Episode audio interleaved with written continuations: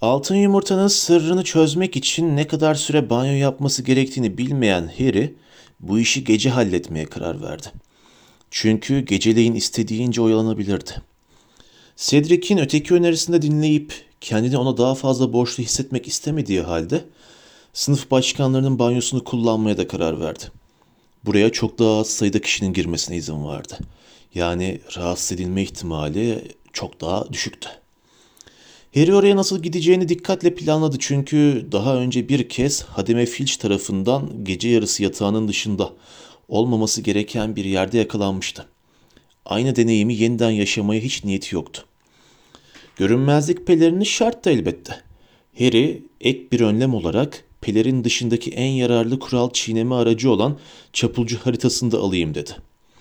Harita birçok kestirme yolu ve gizli geçidi de dahil Hogwarts'un tamamını gösteriyordu. En önemlisi şatodaki insanları da altlarında adları yazan minnacık noktalar biçiminde koridorlarda dolaşırken gösteriyordu. Böylece banyoya biri yaklaşırsa Harry önceden uyarılmış olacaktı. Perşembe gecesi Harry kimseye görünmeden yukarı çıktı. Pelerini giydi. Merdivenden aşağı süzüldü. Tıpkı Hagrid'in ona ejderhaları gösterdiği gece yaptığı gibi. Yine porta deliğinin açılmasını bekledi. Bu sefer dışarıda bekleyip şişman hanıma parolayı veren Ron'du.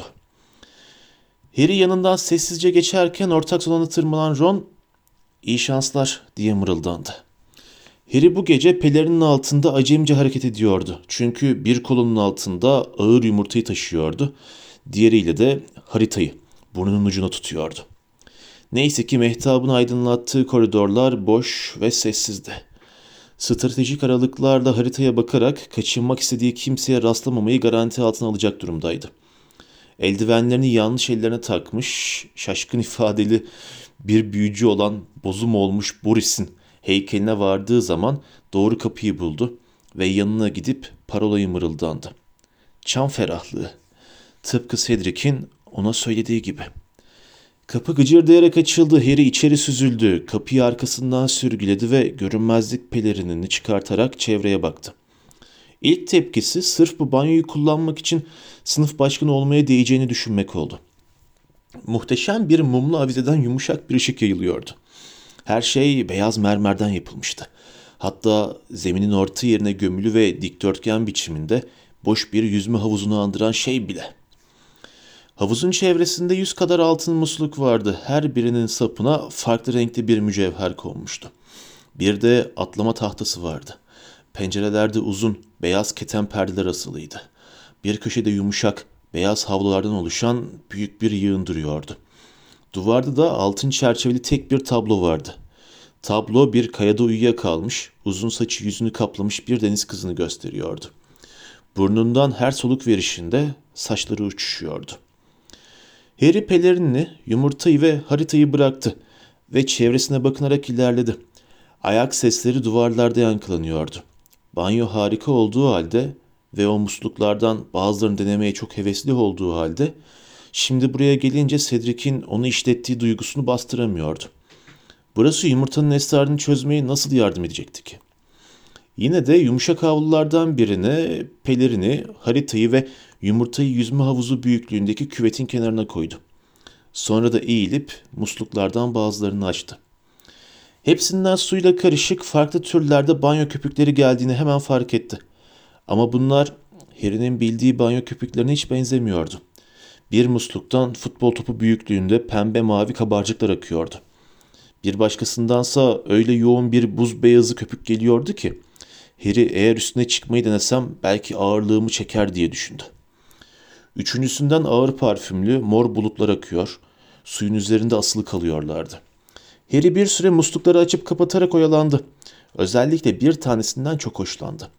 Bu musluğun fışkırttığı su yüzeye çarpıp geri sıçrayarak havada büyük su kemerleri oluşturuyordu.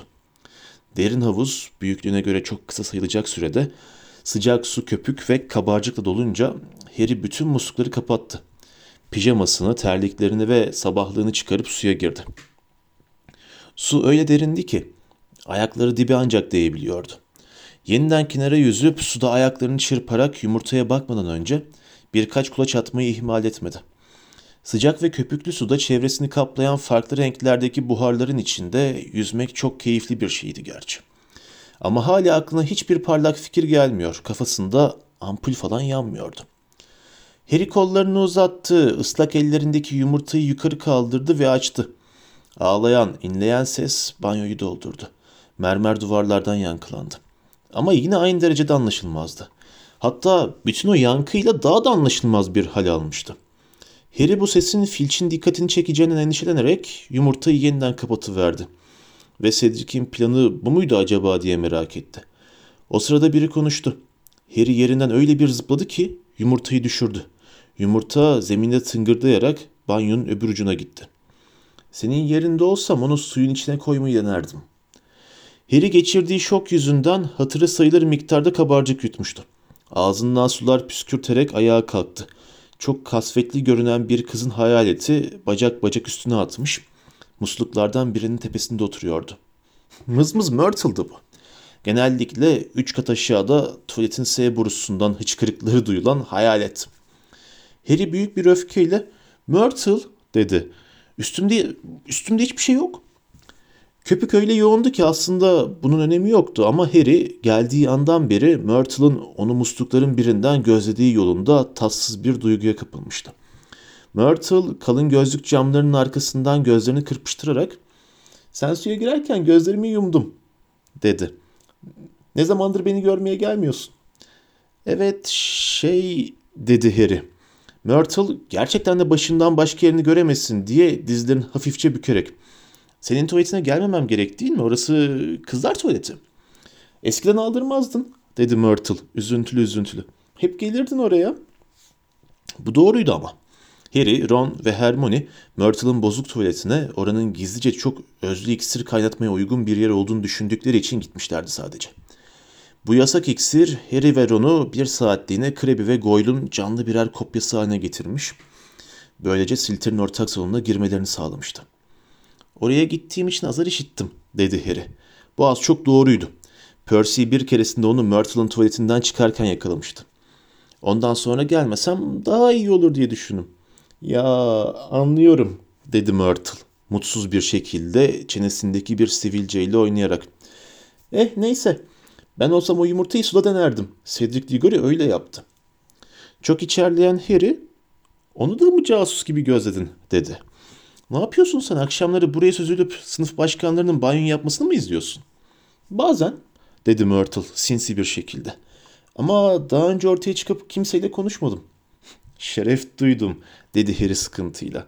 Sen gözlerini yumul tut anlaşıldı mı? Banyodan çıkmadan önce Myrtle'ın eliyle gözlüğünü iyice kapattığından emin oldu. Havluyu sıkıca beline sardı ve yumurtayı almaya gitti. Tekrar suya girdiğinde Myrtle parmaklarının arasından bakarak Hadi bakalım onu suyun içinde aç dedi.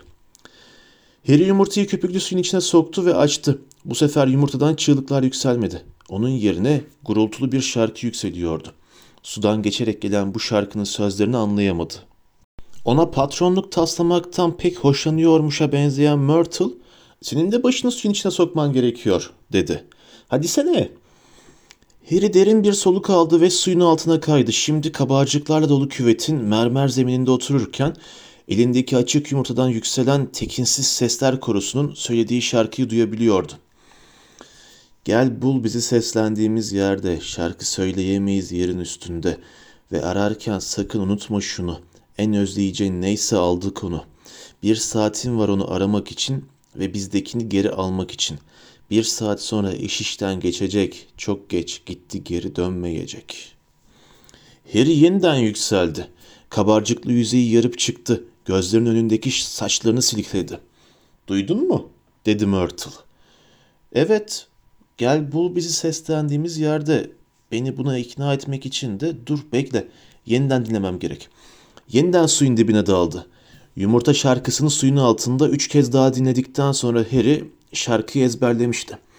Sonra bir süre derin derin düşünerek suda ayaklarını çırptı. Myrtle'da oturup onu gözledi. Gidip seslerini yerin üstünde kullanmayan insanları bulmam gerekiyor, dedi ağır ağır. Şey, kim olabilir dersin? Kafan ağır çalışıyor biraz galiba, ha? Harry mızmız Myrtle'ı hiç bu kadar neşeli görmemişti. Bir doz çok özlü iksiri yüzünden Hermione'nin yüzünü kıllar basıp arkasında da bir kedi kuyruğu çıktığı gün hariç. Harry gözlerini banyoda gezdirdi. Düşünüyordu. Eğer sad sesler sadece suyun altında duyuluyorsa mantığa göre sualtı yaratıklarına ait olmaları gerekirdi. Bu teoriyi Myrtle iletti. O da Harry'e bakıp yılışık yılışık sırıttı. Diggory de böyle düşünmüştü, dedi. Orada yatıp saatlerce kendi kendine konuştu. Saatlerce banyoda neredeyse hiç kabarcık kalmayıncaya kadar. Suyun altında, dedi Harry yavaşça. Myrtle, gölde dev mürekkep balığı dışında ne yaşıyor? Aa, her türlü şey, dedi Myrtle. Bazen oraya giderim. Bazen başka seçeneğim olmaz. Beklemediğim anda birisi tuvaletimin sifonunu çekerse. Harry mızmız Myrtle'ın tuvaletin içindekilerle birlikte bir buradan ok gibi göle sürüklenişini düşünmemeye çalıştı. E orada insan sesi çıkaran var mı? Dur bakayım. Harry'nin gözleri duvardaki uyuklayan deniz kızı resmine takılmıştı. Myrtle, orada deniz halkı yok değil mi? Myrtle gözlerinin kalın camları parlayarak ''Aa çok iyi'' dedi. Diggory bunu çok daha uzun sürede bulmuştu. Üstelik o da uyanık olduğu halde. Asık yüzünde büyük bir hoşnutsuzluk ifadesiyle deniz kızını işaret etti. Kikirdiyordu, gösteriş yapıyordu ve yüzgeçlerini ışıldatıyordu. Öyle değil mi? dedi Harry heyecanla. İkinci görev gidip gölün altında deniz halkını bulmak ve ve ama birden dediklerinin ne anlama geldiğini kavradı. Birisi karnında bir tıpayı çekmiş gibi içindeki bütün heyecanın boşalıp gittiğini hissetti. İyi bir yüzücü değildi. Yüzmeye fırsat bulamamıştı pek. Dudley küçükken ders almıştı. Ama Petunia teyze ile Vernon enişte kuşkusuz Harry'nin bir gün boğulacağını ümit ettikleri için ona yüzme dersi aldırma zahmetine katlanmamışlardı. Bu banyoda birkaç kulaç atmak iyiydi. Ama göl çok büyüktü hem de çok derin. Üstelik deniz halkı mutlaka dipte yaşıyordu. Harry ağır ağır Myrtle dedi. Nasıl soluk alacağım? Bunu duyunca Myrtle'ın birden yine gözleri doldu. Ne kadar densizsin diye mırıldandı cübbesinin içinde el yordamıyla bir mendil ararken. Harry şaşkın şaşkın niye densiz oluyormuşum diye sordu. Kalkıp benim önümde soluk almaktan söz ediyorsun dedi Myrtle tiz bir sesle. Sesi banyoda gümbür gümbür yankılandı. Ben yapamazken, yapmamışken yıllardır. Yüzünü mendiline gömüp yüksek sesle burnunu çekti. Harry Myrtle'ın ölü olma konusunda nasıl hep hassasiyet gösterdiğini hatırladı. Oysa tanıdığı başka hiçbir hayalet bu konuda böyle yargıra koparmazdı. Kusura bakma dedi Harry sabırsızca. Onu kastetmedim, unutmuşum. Şişmiş gözleriyle ona bakıp yutkunan Myrtle, ya tabii Myrtle'ın ölü olduğunu unutmak kolay dedi. Beni yaşarken bile kimse özlememişti. Cesedimi bulmaları saatler aldı. Biliyorum. Çünkü orada oturmuş onları bekliyordum. Olive Horn bir tuvalete geldi.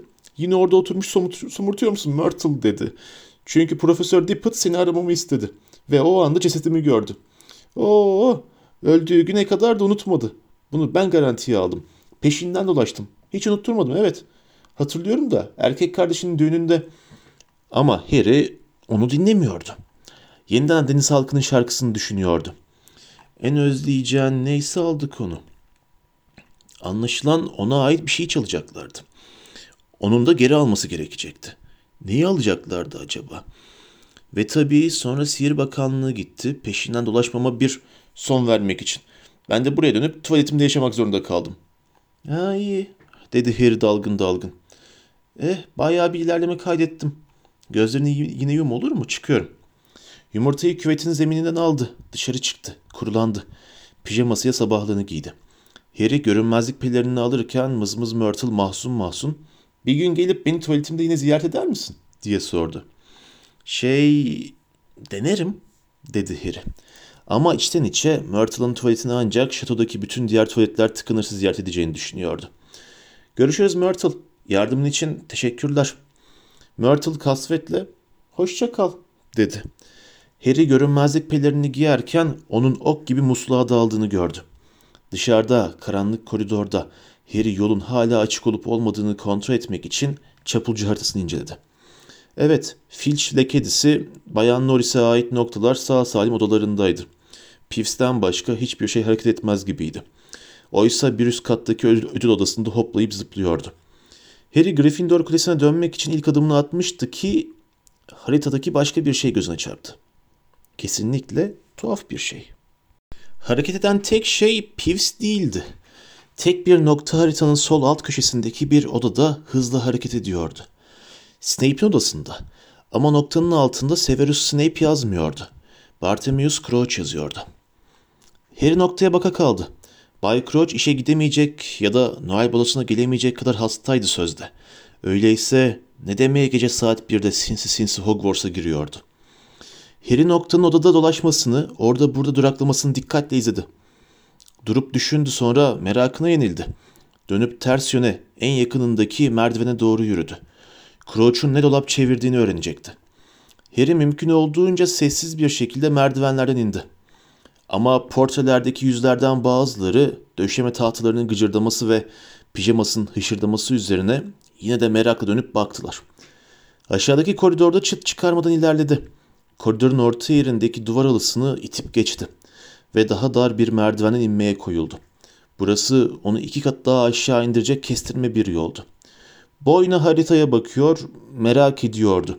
Dürüst, yasalara uyan Bay Crouch'un gecenin bu geç saatinde başka birinin odasına sinsice girmesi hiç de onun karakterine uygun bir şey değildi. Sonra merdivenin tam orta yerinde ne yaptığını düşünmeksizin Bay Crouch'un tuhaf davranışından başka hiçbir şey üzerine dikkatini toplamaksızın giderken Harry'nin bacağı birden Neville'ın hep üzerinden atlamayı unuttuğu tuzaklı basamağa gömüldü. Sakar sakar yalpaladı. Hala ıslak olan altın yumurta kolunun altından kaydı. Harry onu yakalamak için ileri fırladı ama çok geç. Yumurta her basamakta davul sesi kadar yüksek birer gümbürtü çıkararak uzun merdivenden aşağı düştü. Görünmezlik pelerini kaydı. Harry onu kaptı ama bu defa da çapulcu haritası elinden fırladı. Altı basamak aşağı, dizine kadar basamağa gömülü olan Harry'nin ulaşamadığı bir yere gitti. Altın yumurta merdivenin bittiği yerde asıl duran duvar halısının içinden geçip yere düştü. Ve çat diye açıldı. Aşağıdaki koridorda feryat figan bağırmaya başladı. Harry asasını çekti ve çapulcu haritasına dokunup onu silmeye çalıştı. Ancak harita çok uzaktaydı.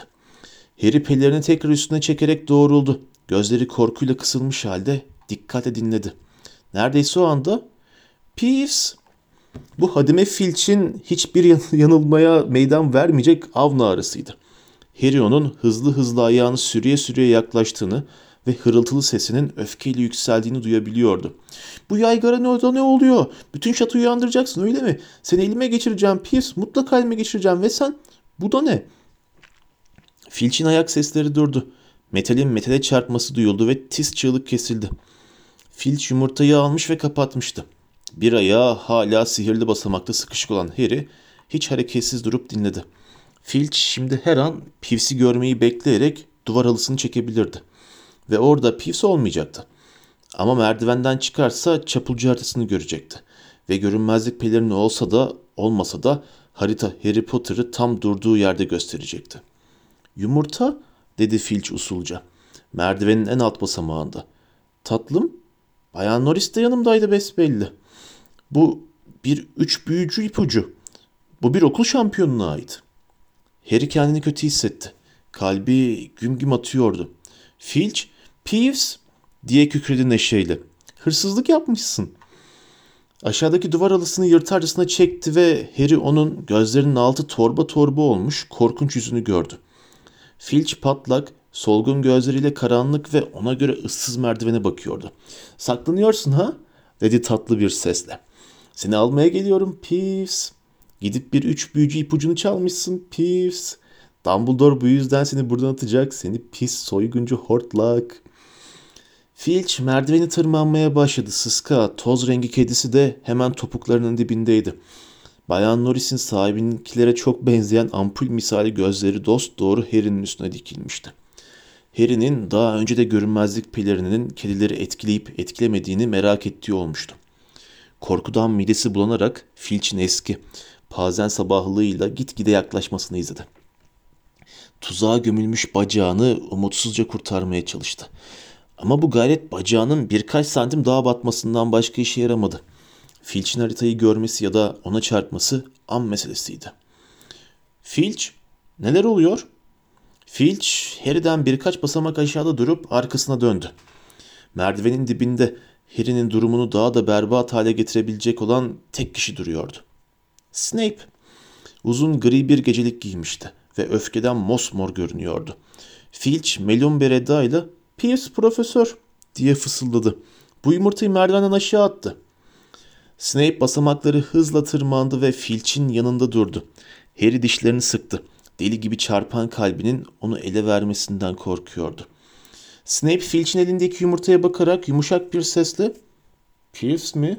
dedi. Ama Pierce benim odama giremez ki. ''Bu yumurta odanızda mıydı profesör?'' ''Elbette hayır.'' diye tersledi onu Snape. Gümbürtüler ve feryatlar duydum. ''Evet profesör onlar yumurtadan çıktı.'' Ne var diye bakmaya geliyordum. Piv sattı profesör ve odamdan geçerken meşallerin yandığını, bir dolap kapısında aralık olduğunu gördüm. Biri odamı karıştırmış. Ama Peeves bunu yapamaz ki. Snape, yapamayacağını biliyorum Filch diye yine tersledi Hademi'yi. Ben odamı yalnızca bir büyücünün açabileceği sihirli bir mühürle kapalı tutarım. Snape merdivenden yukarı baktı. Bakışları dost doğru Harry'nin içinden geçti. Sonra da aşağıdaki koridoru taradı. Benimle gelmeni ve odama giren davetsiz misafir bulmama yardım etmeni istiyorum Filch. Ben evet profesör ama... Filch özlemle merdivenden yukarı baktı. Onun bakışları da dost doğru Harry'nin içinden geçti. Harry onun Peeves'i köşeye sıkıştırma fırsatını kaçırmak istemediğini anladı. Git diye sessizce yalvardı Harry ona. Snape'le git, git hadi. Bayan Norris Filch'in bacağının arkasından uzanmış bakıyordu. Harry kedinin kesinlikle onun kokusunu alabildiği izlenimini edindi. Niye küveti o kadar çok parfümlü köpükle doldurmuştu ki? Filch merhamet dilenircesine diyorum ki profesör dedi. Müdür bu kez beni dinlemek zorunda kalacak. Peeves bir öğrenciden bir şey çalmış. Bu benim onu şatodan temelli attırma şansım olabilir. Filch o sefil hortlak umurumda bile değil. Burada benim odam. Takır takır takır. Snape birden sustu. O da Filch de merdivenden aşağı baktılar. Harry onların başlarının arkasındaki dar aralıktan deli göz Moody'nin topallayarak ortaya çıktığını gördü. Moody geceliğinin üstüne eski seyahat pelerini giymişti. Her zamanki gibi bastona dayanıyordu. Pijama partisi öyle mi? diyor homurdandı yukarı doğru. Filch hemen Profesör Snape ve ben bir takım sesler duyduk da profesör dedi. Hortlak Pierce her zamanki gibi çevreye bir şeyler fırlatmış. Sonra da Profesör Snape fark etmiş ki birisi izinsiz onun Snape Filch'e kes sesini dedi tıslarcasına. Moody merdivenin ilk basamağına bir adım daha yaklaştı. Harry onun sihirli gözünün Snape'in üzerine dolaştığını, sonra da hiçbir yanılgıya meydan vermeyecek şekilde kendi üzerine durduğunu gördü. Harry'nin yüreği ağzına geldi. Moody görünmezlik pelerin içini görebiliyordu. Sahnenin tuhaflığını tam anlamıyla görebilecek tek kişi oydu.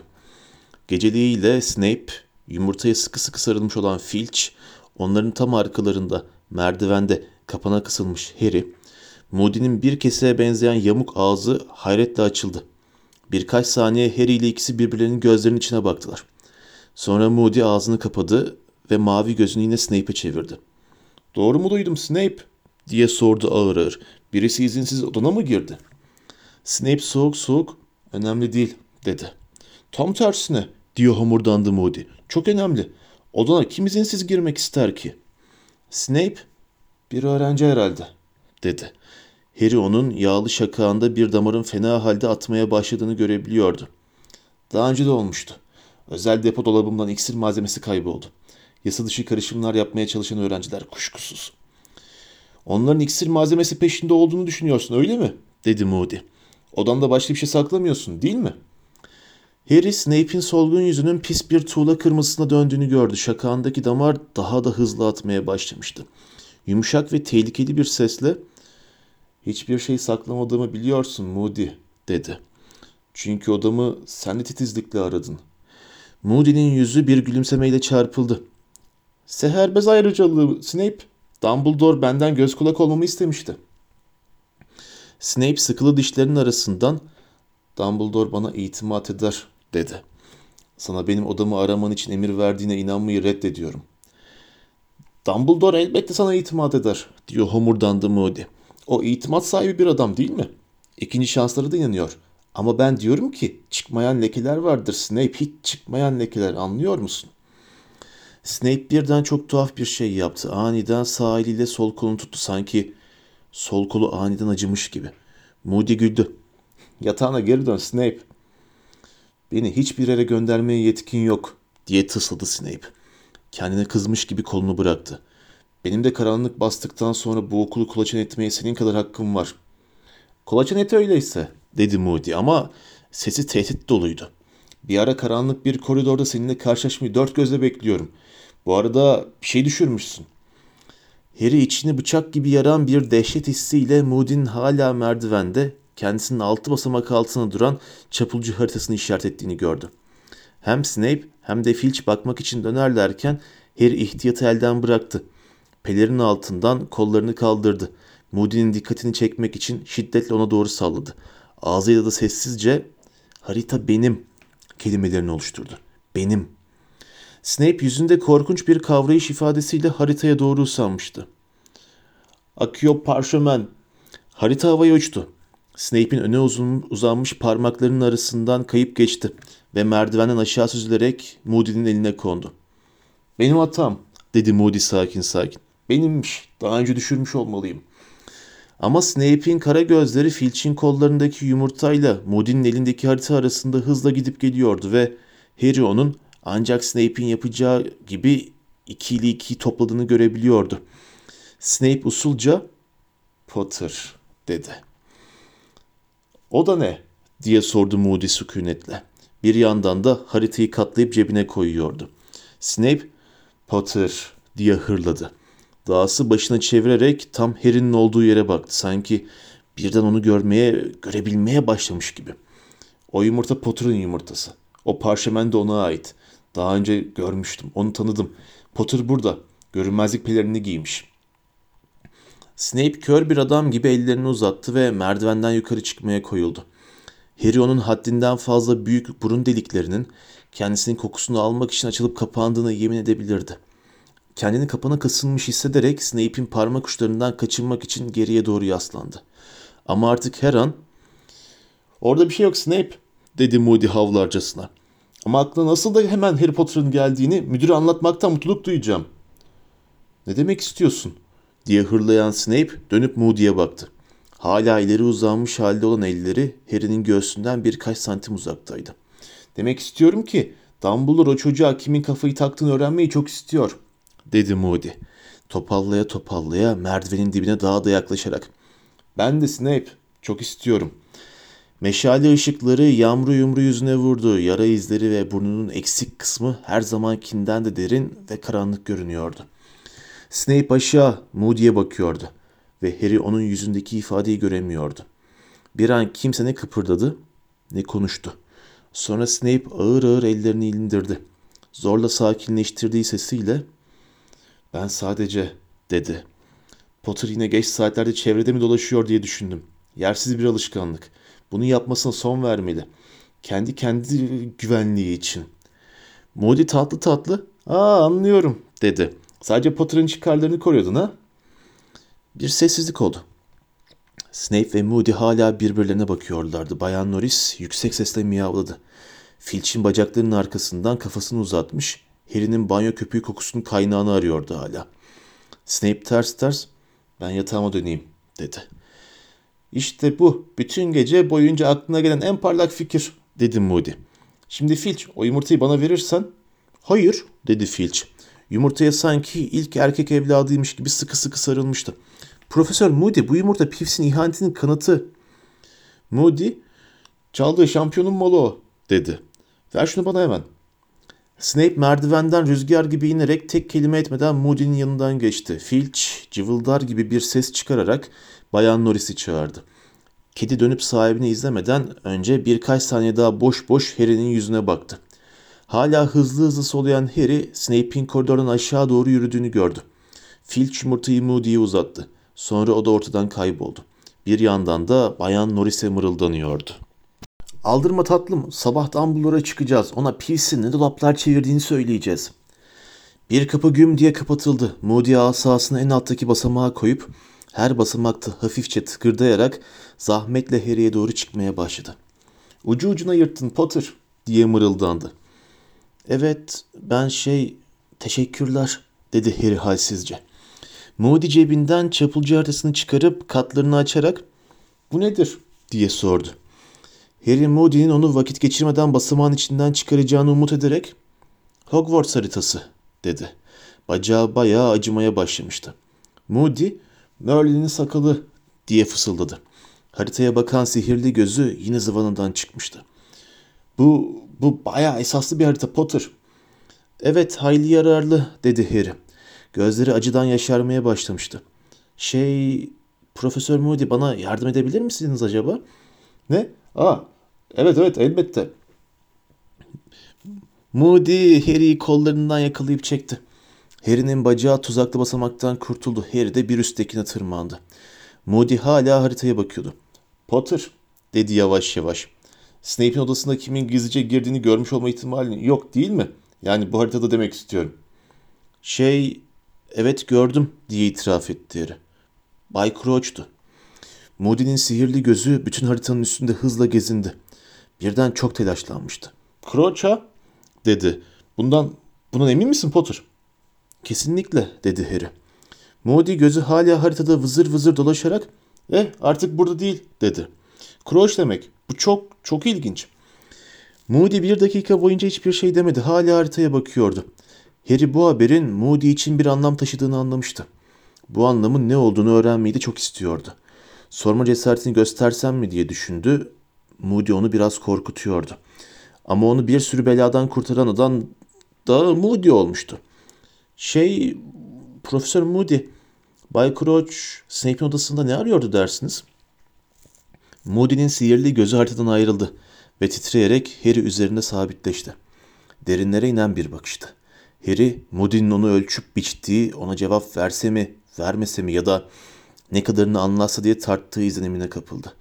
Sonunda, şöyle diyelim Potter diye mırıldandı Moody. İhtiyar deli gözün kafasını karanlık büyücüleri yakalamakla bozduğunu söylerler. Ama ben Barty Crouch'un yanında bir hiçim, bir hiç. Haritaya bakmayı sürdürdü. Harry'nin daha fazlasını öğrenmek için içi gidiyordu. Profesör Moody dedi yine. Sizce bunun şeyle bir ilgisi olabilir mi? Belki Bay Crouch bir şeyler döndüğünü düşünüyordur. Ne gibi? dedi Moody sertçe. Harry ne kadarını söylemeye cüret edeceğini düşündü. Moody'nin Hogwarts dışında bir bilgi kaynağı olduğunu tahmin etmesini istemiyordu. Böyle bir tahmin Sirius hakkında cevabı zor sorulara yol açabilirdi. Bilmiyorum diye mırıldandı Harry. Son zamanlarda tuhaf şeyler oluyor değil mi? Gelecek posası da yazdı. Dünya kupasındaki karanlık işaret, ölümü yiyenler falan. Moody'nin birbirinden farklı gözlerinin ikisi birden fal taşı gibi açıldı. Sen uyanık bir çocuksun Potter dedi. Sihirli gözü yeniden çapulcu haritasına çevrildi. Crouch da benzer şeyler düşünmüş olabilir dedi ağır ağır. Çok mümkün. Son zamanlarda etrafta tuhaf rivayetler dolaşıyor. Rita Skeeter da bunları körüklüyor tabii. Bir sürü insanı tedirgin ediyor farkındayım. Yamuk ağzı amansız bir gülümsemeyle çarpıldı. Sihirli gözü haritanın sol alt köşesinde sabitleşmiş halde ve sanki Harry'den çok kendi kendine konuşuyormuş gibi nefret ettiğim bir şey varsa dedi. Serbest kalmış bir ölüm yiyendir. Harry ona baka kaldı. Acaba Moody gerçekten de Harry'nin anladığı şeyi söylemiş olabilir miydi? Moody sadede gelelim dercesine Şimdi de ben sana bir soru soracağım Potter dedi. Harry'nin kalbi sıkıştı. Bunu bekliyordu zaten. Moody çok kuşku verici bir sihirli nesne olan bu haritayı nereden aldığını soracaktı ona.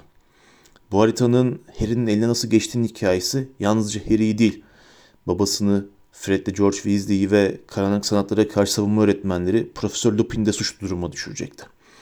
Moody haritayı Harry'nin göz önünde salladı. Harry kendine olabileceklerin en kötüsünü hazırladı. Bunu ödünç alabilir miyim? Oh dedi Harry. Bu haritadan çok memnundu. Ama öte yandan Moody onu nereden aldığını sormadığı için çok rahatlamıştı. Ayrıca ona bir gö- gönül borcu da vardı şüphesiz. Evet tabii. Aferin sana diye homurdandı Moody. Bu çok işime yarayacak. Bu tam da benim istediğim şey. Tamam yatağa Potter. Hadi bakalım yürü. Birlikte merdivenin tepesine çıktılar. Moody haritayı sanki daha önce eşini hiç görmediği bir hazineymiş gibi hala inceliyordu. Sessizce Moody'nin odasına kapısına doğru yürüdüler. Moody orada durup Harry'e baktı. Hiç kendine meslek olarak seherbazlığı seçmeyi düşündün mü Potter? Hayır dedi Harry. Afallamıştı. Bir düşünsen iyi olur dedi Moody başını sallayıp düşünceli düşünceli Harry'e bakarak. Evet gerçekten. Ve aklıma gelmişken Bu gece o yumurtayı ge- sadece gezmeye çıkarmamıştın değil mi? Harry sırıtarak şey hayır dedi. İpucu üzerinde çalışıyordum. Moody ona göz kırptı. Sihirli gözü yeniden sapıtmıştı. Gece gezmeleri gibisi yoktur Potter. İnsanın yeni fikirler bulması için birebirdir. Sabaha görüşürüz. Yeniden çapulcu haritasına bakarak odasına döndü ve kapıyı arkasından kapattı. Harry, Snape, Crouch ve bütün bunların ne anlama geldiği hakkında düşüncelere dalmış halde ağır ağır Gryffindor kulesine yürüdü. Crouch eğer istediği zaman Hogwarts'a girebiliyorsa neden kendine hassas süsü veriyordu? Snape'in odasında ne sakladığını sanıyordu. Ve Moody onun Harry'nin bir seherbaz olması gerektiğini düşünüyordu. İlginç bir fikir. Ama diye düşündü Harry. 10 dakika sonra yumurtayla pillerini emin bir şekilde sandığına yerleştirip dört direkli yatağına sessizce girerken. Bu işi meslek olarak seçmeden önce diğer se- seherbazlarda ne kadar hasar var diye bir kontrol etsem iyi olacak.''